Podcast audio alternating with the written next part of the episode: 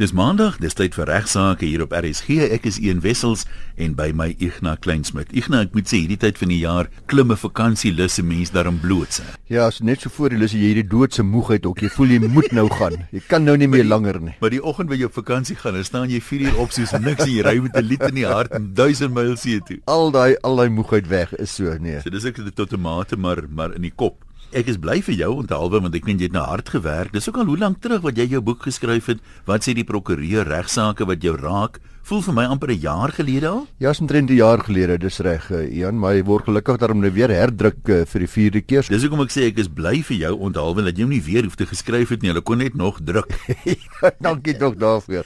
Nie op openbare aanvraag. Dis 'n uh, Ignas se boek met lekker uh, praktiese voorbeelde van onder andere 'n saamwoonkontrak en 'n huiswerkerskontrak en lekker praktiese maklike regshulp oor 'n klomp aangeleenthede uitgegee deur Naledi en dit word nou herdruk. Jy kan dit nou bestel vir die Kerskous R240 posgeld ingesluit en al wat jy doen is jy SMS die woord prokureur. Jy moet dit reg spel. Dis nie prokureur nie, dis prokureur. Dan los jy 'n spasie, dan sit jy jou naam en jou van en die afleweringsadres waar jy dit moet stuur en dan gaan jy dit na hierdie nommer toe stuur. Skryf hom gou af. 078 648 8616 078 648 8616 as jy by Naledi gaan Google dan ek seker jy sal inligting daar ook oor die boek kry. Maar dis die maklike SMS nommer die, die sleutelwoord is prokureur dan jou naam en van en die afleweringsadres 078 648 8618 Ja nee, dankie Ian en dis al as jy die uit jou uit jou vermoë en energie het en dit wil na Molde wil gaan op hierdie tyd van die jaar, dan gaan jy natuurlik by C&A ook kry en by Bargain Books en hooplik Exclusive Books en, en, en die bekende boekwinkels. Jy praat net daarvan die energie. Dis vir my snaaks dat hierdie moe mense so lank op hulle voete kan bly. Ek weet as jy nou vir hulle sê kom ons gaan stap 5 km, dan gaan hulle vir jou sê hulle is te moeg maar my vrou het so 'n app op haar selfoon wat meet hoe ver sy stap. Hmm. En sy het op haar eie 5.7 km net in 'n mall geloop verlede Saterdag, maar sy was nie so moeg daarna nie. Ek dink nie sy wil hê jy moet dit vir die hele wêreld vertel nie. Okay, ek gaan nie. Ja, goed. Ek gaan nie kos geheim, ja. Kom ons praat liewer regsaake. Ek wil 'n stukkie van my plaas verkoop.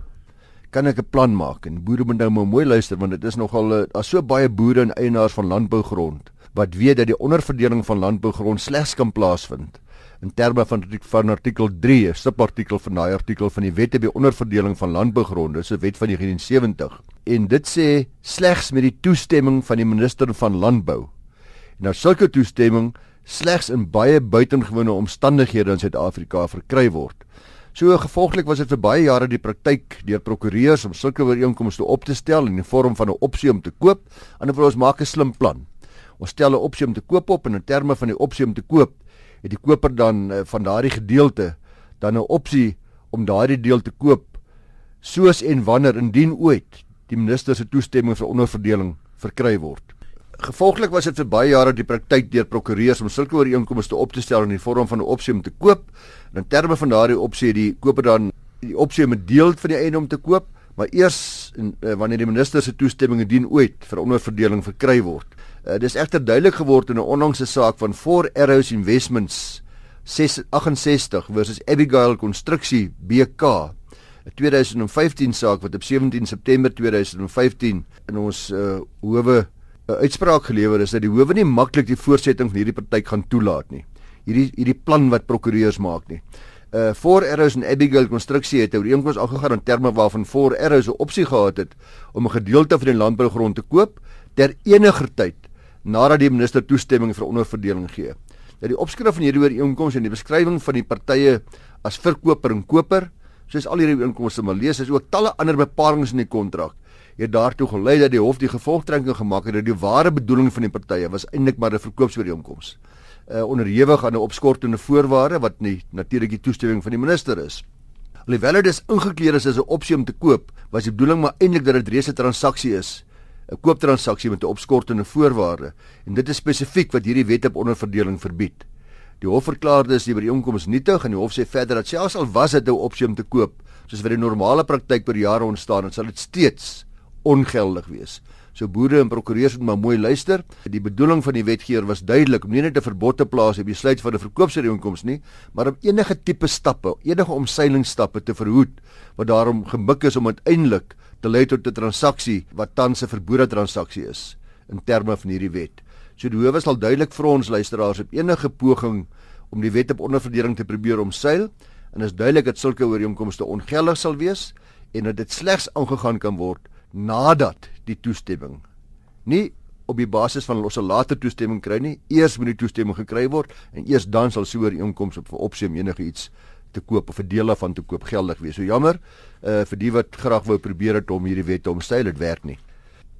Elke nou dan luisteraars, hoor ons dat daar 'n verweer geopper word dat ek absoluut niks kan onthou van wat gebeur het by die voorval nie. Ek het Selfs nog hou onder jong mense. Ja.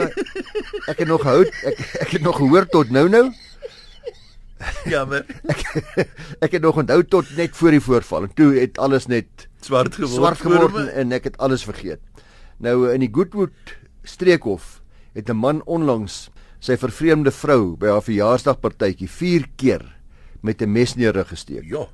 Hy was 'n ongenooide gas by die partytjie en hy het vertuwelik gedink dat sy vrou 'n lesbiese verhouding was met 'n ander vrou en hy het haar blykbaar by die partytjie waarin hy nie genooi was nie, hy het haar gevolg soontoe en haar toe daar gesien saam met 'n ander vriendin. Dit het hom natuurlik nou woedend gemaak. En volgens hom kon hy slegs onthou dat hy na die kombuis toe gegaan het, maar daarna het hy, soos hy dit genoem het, 'n totale blackout gehad. Nou sy vervreemde vrou is op die toneel dood en hy het daarna hom ook met die mes om lewe probeer bring maar dit was onsuksesvol. Uh, hy argumenteer dus dat hy onskuldig bevind moet word omdat hy nie die nodige opset gehad het om te moor nie. Maar soos baie keer maar gebeur het die streekstof landros in hierdie geval aan goed moet bevind dat hy alreeds duidelik die opset gehad het om sy vrou te vermoor terwyl hy na die kombuis toe gegaan het voor hy die sogenaamde blackout gehad het. Toe het hy al die mes gehad en hy het klaar besluit wat hy gaan doen ensovoorts. So die sodat hy sy bewussyn verloor het, sê die hof gaan nie hier op nie. Die opset was al lankal gevorm en uh, ek dink die hof het hom in elk geval waarskynlik nie geglo nie en hy word gevonnis tot 18 jaar gevangenisstraf. Die een ding wat 'n mens nou prakties moet sê van van hierdie tipe van verweer en ek meen enige aanklaers sal met my saamstem. Ek sê nie die die verweer sal nooit slaag nie, maar as jy nou een hofsaak het wat 'n ou nou wegkom daarmee dan moet jy dan sien die volgende jaar in die howe elke tweede ou gaan hy selfe pleit hê. En dit gaan die oorvol hofrol dink ek soos 'n webwerf waarop jy kaartjies vir 'n internasionale konsert kan koop, mekaar laat stort. Dis dis eintlik goed dat die verweer nie so maklik slaag nie. Kom ek stel, dit is moeilik om te bewys, maar dit gaan chaos wees as een ou daarmee wegkom en dan storm almal agterna maar net dieselfde het met my gebeur. Ja, en daai selektiewe geheue word dikwels getoets in kruisondervraging uh en dikwels dan tydens kruisondervraging dan kom dit duidelik uit. Absoluut. Dat dit maar suiwer net 'n keuse was om net daai klein rukkie nie te onthou nie. Nee, dis goed dat ons weet so mense maar versigtig wees. Jy kry baie dieselfde ding dat mense wat te veel alkohol ingeneem het ook niks kan onthou nie, maar uh, dan handel en allerlei goed aanvang. So dis halfe 'n soortgelyke geval. Ek wil sê die ouens dan het nie regtens gehandel nie is 'n onwillekeurige handeling, maar daai goed slaag ook maar baie jammer. Nee, presies soos jy sê dat uh, hy onthou nie dat hy die vrou gesteek het nie, maar hy onthou dat hy waar hy die mes weggesteek het. Byvoorbeeld. Ja, ja. ja. Daai soort van dinge. Een as ons nog tyd het, uh, wil ek graag miskien ja. net vinnig praat oor wat is 'n private wetsontwerp. En ek het daaroor 'n navraag gekry al 'n hele rukkie gelede, maar uh ek net sê 'n private wetsontwerp kan deur enige Suid-Afrikaanse burger geïnisieer word. Onlangs is daar 'n wetsontwerp uh, by die parlement ingedien vroeër hierdie jaar nadat ene Henry Terblanche dis 'n pa daar van Eversdal in Durbanville daar in Kaapstad hy het vertoog gerig aan die parlementslede dit het gehandel oor verlof vir paas en homoseksuele ouers en ouers wat kinders aanneem nou hierdie wetsontwerp uh, word tans oorweeg nadat dit by die parlement ingedien is en dit versoek dat maas wat 4 maande kraamverlof kry en dat paas dan ook 3 dae se gesinsverantwoordelikheid verlof moet kry. Dit is nou as de, by 'n bevalling. Nou verskeie standpunte oor hierdie private wetsontwerp deur politieke partye oorgedra. Dit onder, onder andere behels dat kraamverlof behoort ouerskapsverlof genoem te word. Dat ouers moet self kan besluit watter ouer bly hoe lank by die huis nadat die baba gebore is. Dit ter blaas dan die parlementslede in die parlementêre portefeulje komitee gesê dat daar kleef soms 'n stigma en dit moenie so wees nie aan kraamverlof. Daar's vroue wat voel hulle wil vinniger terugkeer na die werksplek hulle loopbane bevorder. En as paas dus ook raamverlof kan kry, is dit vir vroue moontlik om vinniger terug te keer werk toe terwyl pa dan die kinders oppas in daardie 4 maande tydperk. Die wetsontwerp stel dan voor wat meneer Terblaans ingedien het dat die tweede ouer verlof van 10 werksdae mag kry en 'n aanneem ouer verlof van 10 aaneenlopende weke of 10 werksdae. Die gedagte is dus vir meneer Terblaans dat daar een aanneem ouer 3 maande verlof kry en die tweede een 10 dae. Uh, dis nou waar mense nie een werklik die bevalling moes deurgaan nie want hulle het aangeneem.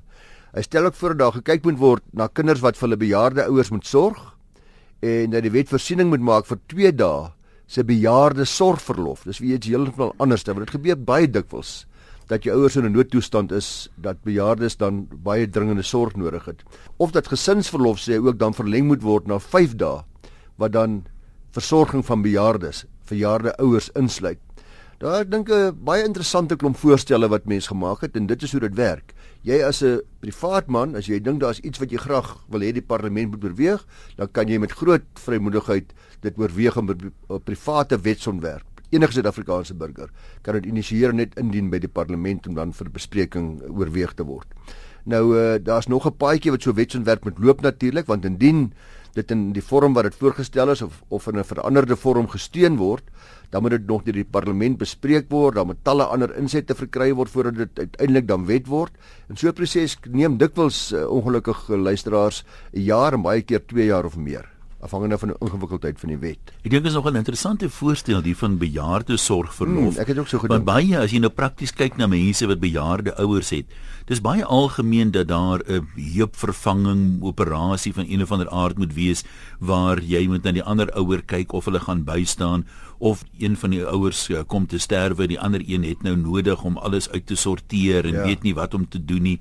So daar is baie praktiese scenario's waar ehm um, mense in elk geval moet hulle 'n onbetaalde verlof neem, maar dit is werklik noodsaaklik dat hulle die bejaardes moet gaan bystaan. Ja, ek dink in hierdie geval het 'n gewone burger die wiel in die rol gesit wat waarskynlik uiteindelik tot wetswysigings gaan lei. Ja, luisteraars, ek het al hier in Augustus 'n briefie gekry van Mariet Bruitenberg en sy het 'n brief van jou geskryf een wat jy weer vir my laat toe kom het. Sy sê ek wil graag kers opsteek by die resgeleerdes. Ons het jare gelede toe ons nog kinders was, 'n familietrust gestig. Beide ons eiendomme, die een waarin ons woon en die een waarin ons seun woon, behoort aan die trust. Ons probleem kom nou hierby in. Ons seun en sy vrou wil nou die eiendom, een eiendom koop uit die trust. Maar ons het sogenaamde lewensreg op hierdie eiendom. Dit dateer nog uit die vroeëre dae.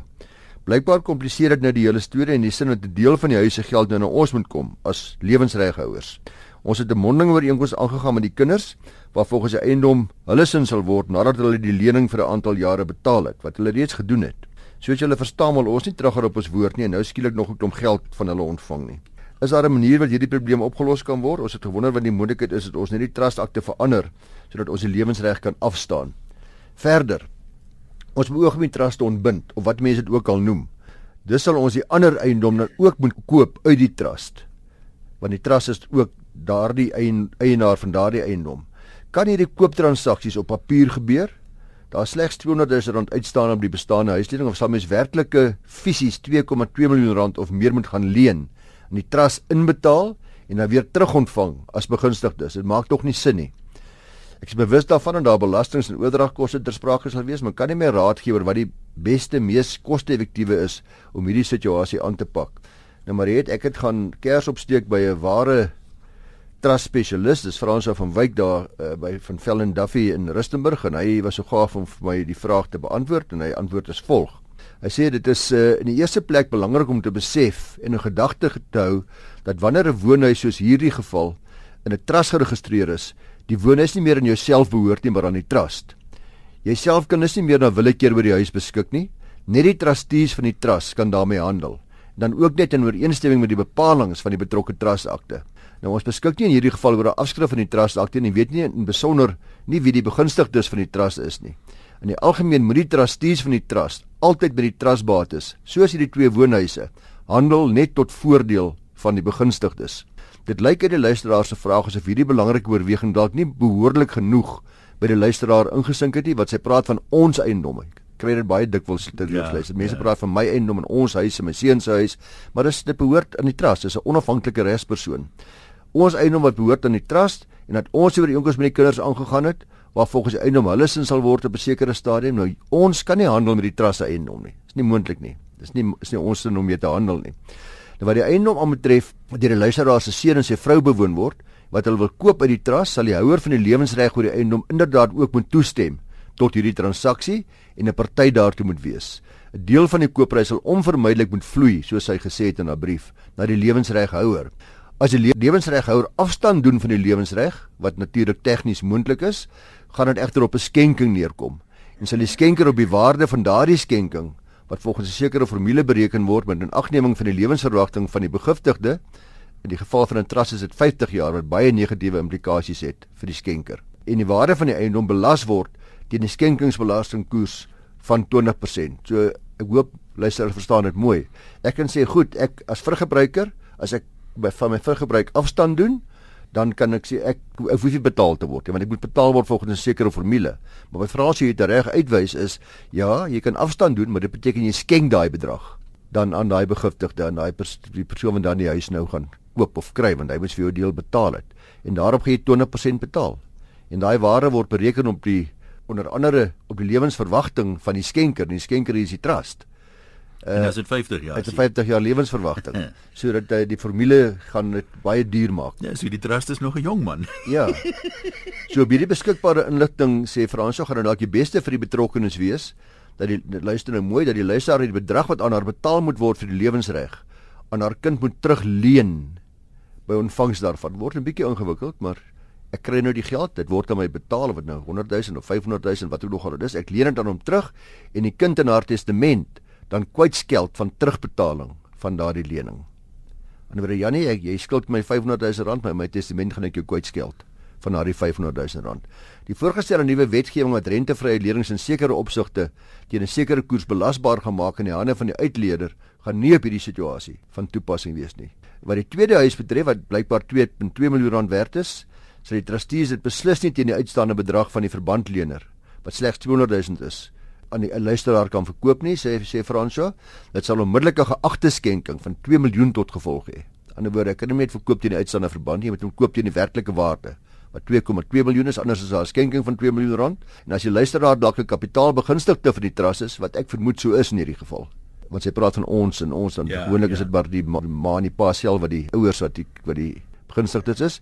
Ek dan sê hy kan die huis as 'n kapitale uitkering aan die luisteraar oorgedra word sonder dat enige vergoeding aan die trust betaal hoef te word. So, die trust besit die huis. Ek sê kapitaalbeginsigte. Dan besluit die trustees, ons gee die huis vir Ignas want hy's geregtig op kapitaal. Hy mag dit kry en dan natuurlik word daar geen vergoeding vir wisselhande nie. Andersins sal die enigste uitweg wees om die huis teen markwaarde by die trust te koop. So is 'n bietjie ingewikkeld, maar ek wil voorstel dat jy tog maar 'n baie goeie prokureur gaan sien daar in die omgewing wat in trust spesialiseer. Soos jy kan hoor, moes ons heelwat spekuleer, Fransja, uh omdat ons nie die voordeel het van die inhoud van die trust akte nie, maar daar's baie slaggate. En mense kan 'n lelike slaggate trap wat skenkingsbelasting moet tref as mens oorhaastig optree. So dankie, is 'n baie goeie vraag wat jy gevra het. Fransja se adres is ander mense dalk wil navraag doen oor dieselfde soort van situasie as Fransja by ffd.co.za. Fransja by ffd.co.za. Ek nou kan ek in aansluiting hierby iets vra wat 'n mens nogal soms hoor. Uh, ons weet nie al die feite nie, ons weet nie wie is die begunstigdes nie, maar in breë terme kan 'n begunstigde van 'n trust ook 'n trustee van dieselfde trust wees. Ja, daar's nie 'n probleem nie. Uh ons kry twee soorte begunstigdes, kapitaal uh, begunstigdes en inkomste begunstigdes. En mense maak baie dikwels die fout en ek dwaal nou 'n bietjie af om wanneer mense trust oprig, nie te besef dat jy ook as 'n oprigter jouself as begunstigde kan uh laat bepaal nie. Uh, jy wie ook nogal die anders wil en dikwels sal die oprigter maar sê dan maar ek ek rig getrust op. Ek rig getrust op maar ek wil die trust opdruk vir my ons hele gesin. Vir my en vir my vrou en vir my kinders ensovoorts. Nou moet ek gaan en maak my kleinkinders ook nou moet ek gaan bepaal wat die rede sou is hoekom ek die trust oprig. Ek gaan nou sekere eiendomme in daai trust aankoop maar ek wil daarom ook myself nog beskerm sodat as dit dien dit nodig is dat daar en nog daai nommer nog aan my toegeken kan word as kapitaalbegunstigde en ook as inkomste begunstigde. Inkomste begunstigde sal mens normaalweg ook so wyd as moontlik maak sodat ek daai inkomste kan toeken uit die trust, nie ek nie, die trustees aan die die mense waar dit dalk die meeste voordelig is wat belasting betref of waar daar behoeftes is. So dis altyd veiliger om net maar wat my betref bietjie weier te span. Ek het al gehoor hulle sê kyk die trust uh, enige iets met die trust te doen dit net die magte wat in die trust akte korrek ja. ingesit word. Ja. So die goeie raad is dikwels om dit maar breed so breed as moontlik te bewoord dan maak jy vir verskeie moontlikhede voorsiening later want jy kan nie iets doen wat jy nie gemagtig word om te doen in die trust akte of deur wetgewing dan nie. Ek verduidelik dit altyd vir my kliënte so as hulle daar in die konferensiekamer sit daar in, in my kantoor in my hoek by toga hang daar oor oor 'n kap. As jy sien daar's in die hoek. Dis die trustee daai. Dis die trust daai. En daai trust is 'n diskresionêre trust. Hy moet kan dink. Hoe dink hy? Hy dink kollektief deur die deur die deur die insette van die 3 of 4 trustees wat daar is. Maar dis Pietie wat daar een kant staan. Dis nie jy nie. Dis nie jou vrou nie, dis nie jou kinders nie, dis nie wie jy dink dit ja. is nie. En daai persoon moet 'n diskresie uitoefen. En daai diskresie moet ek uitoefen onafhanklik van jou. Jy kan nie hierso daai alter ego ding wat jy besluit jy gaan met daai drie mense sê wat hulle moet doen nie. Hy kan apart kan hy praat en hy kan apart besluit. En as mens dit verstaan, dan besef mense ook dat mense kan soms beheer verloor oor jou trustbates. Want daai persone kan eintlik besluit net wat hulle wil solank hulle hulle diskresie op 'n redelike wyse uitoefen. Hulle kan besluit hulle gaan hierdie huise vir die kinders gee as hulle 25 is en jy gaan die huis nooit weer sien nie. Jy wil jy nog heeltyd gepraat het van ons huis, my huis. Ja, ek dis so 'n regter wat nou, volgens die appelhof 'n belediging gemaak het wat onvanpas is want die gemeenskap verwag dat persone wat verkies word op die regbank nogal supermense moet wees dat hulle geen karakterdefekte het nie of geen geaardheidsdefekte het nie, wat natuurlik nie so is nie. Dis maar mense soos ons almal. Die stelsel probeer dan sy bes om mense van die hoogste kwaliteit op die regbank te kry wat goed is. Nie net wat regskennis betref nie, maar ook wat etiese waardes betref, selfbeheersing ensovoorts. Jy sal baie keer in die koerante sien dat mense by die regtelike dienskommissie ondervra word ook, maar jy jy nou dag vererg. Jy nie 'n bietjie meerig nie, meneer of hmm. mevrou nie of of uh, in daai soort van ding nie. So eenmal in skrikkeljaar hoor mense dan van 'n regter wat ongelukkig toon dat hy of sy so 'n bietjie selfbeheersing verloor en sal die appelhof dan die geleentheid gebruik om so regter so liggies oor die vingers te tik. Uh onlangs het die appelhof van 'n regter van die Hooggeregshof van Johannesburg ook oor die vingers getik oor die wyse waarop sy advokaat in haar hof behandel het. Nou die vyf appelregters was dit eens dat die betrokke regter naamlik regter Cathy Sexual opmerkings teenoor 'n advokaat bietjie buitensporig en bietjie ongeregverdig was. Die regter het 'n ander vir die advokaat gesê dat sy gaan verdaag, want anders as hy nie nou verdaag nie, gaan sy baie omskof teenoor hom wees. So sy het eers al mooi teruggehou, sê ek gaan nou verdaag en anders gaan ek met jou begin omskof wees. Maar toe sê sy in Engels en ek haal aan in Afrikaans vertaal, dink daaroor. Vra dalk u prokureur, want die regte woord is maniere. En sy gaan voort om die maniere of manners dan uit te spel. Sy sê dan: "Voltooi u werklik iemand se sin vir hulle wanneer hulle praat? Antwoord is nee. Dis gaan ek vandag en dan kan jy self daaroor gaan dink. So sy het hom op 'n baie mooi manier laat verstaan uit swak maniere.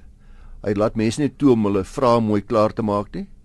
Uh en dat ek net vir jou sê, manners, dat moet ek dit vir jou spel. Ja. Uh, Daai soort van ding. Die appelregter Kevin Swain wat namens die vyf appelregters die uitspraak gelewer het, het gesê dat hulle wel regter se ondervraging van advokaat geregverdig mag wees is ongevraagde beledigings nie geregverdig nie. Anderswoorde 'n bietjie sarkasme ja. en daai soort van ding. Ek dink baie prokureurs wat gereeld in die howe kom sal daarvan kan getuig dat mense soms skaam kry. En ek sê dit nie ligtelik nie, maar mense kry regtig soms skaam vir 'n bietjie uh, in 'n nie uitsondering vir die hoëvaardigheid of die onnodige beledigings en die verkleinering van advokate en prokureurs deur enkele regters. Uh gelukkig is hulle baie ver in die minderheid en die meerderheid verre weg die oorgrootste meerderheid regters het 'n beleefde styl en 'n aangename styl en hulle getuig van waardigheid en van begrip en van empatie, maar jy kry mense wat regtig ware bietjie kan boelie van die bank af en ek dink prokureurs en advokate oor die algemeen verloor respek.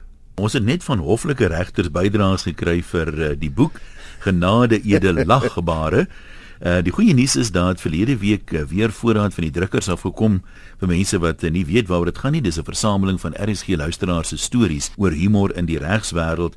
So 'n redelike wye versameling 240 bladsye uitgegee deur Lapa Uitgewers. Kyk by jou naaste boekwinkel. Ek is die samesteller Een Wessels. Die titel is Genade edelagbare. As hulle nie het nie, sê hulle moet vir jou bestel of jy kan ook direk bestel by Lapa self. Die webwerf is eh, www.lapa.co.za of jy kan hulle skakel voor 4 in die middag by 012 401 0700. Lekker maklike Kersgeskenk, hy draai maklik toe en ek het regtig nog net goeie goed gehoor van ons luisteraars se bydrae. So baie dankie daarvoor. Dis dit, ons praat weer.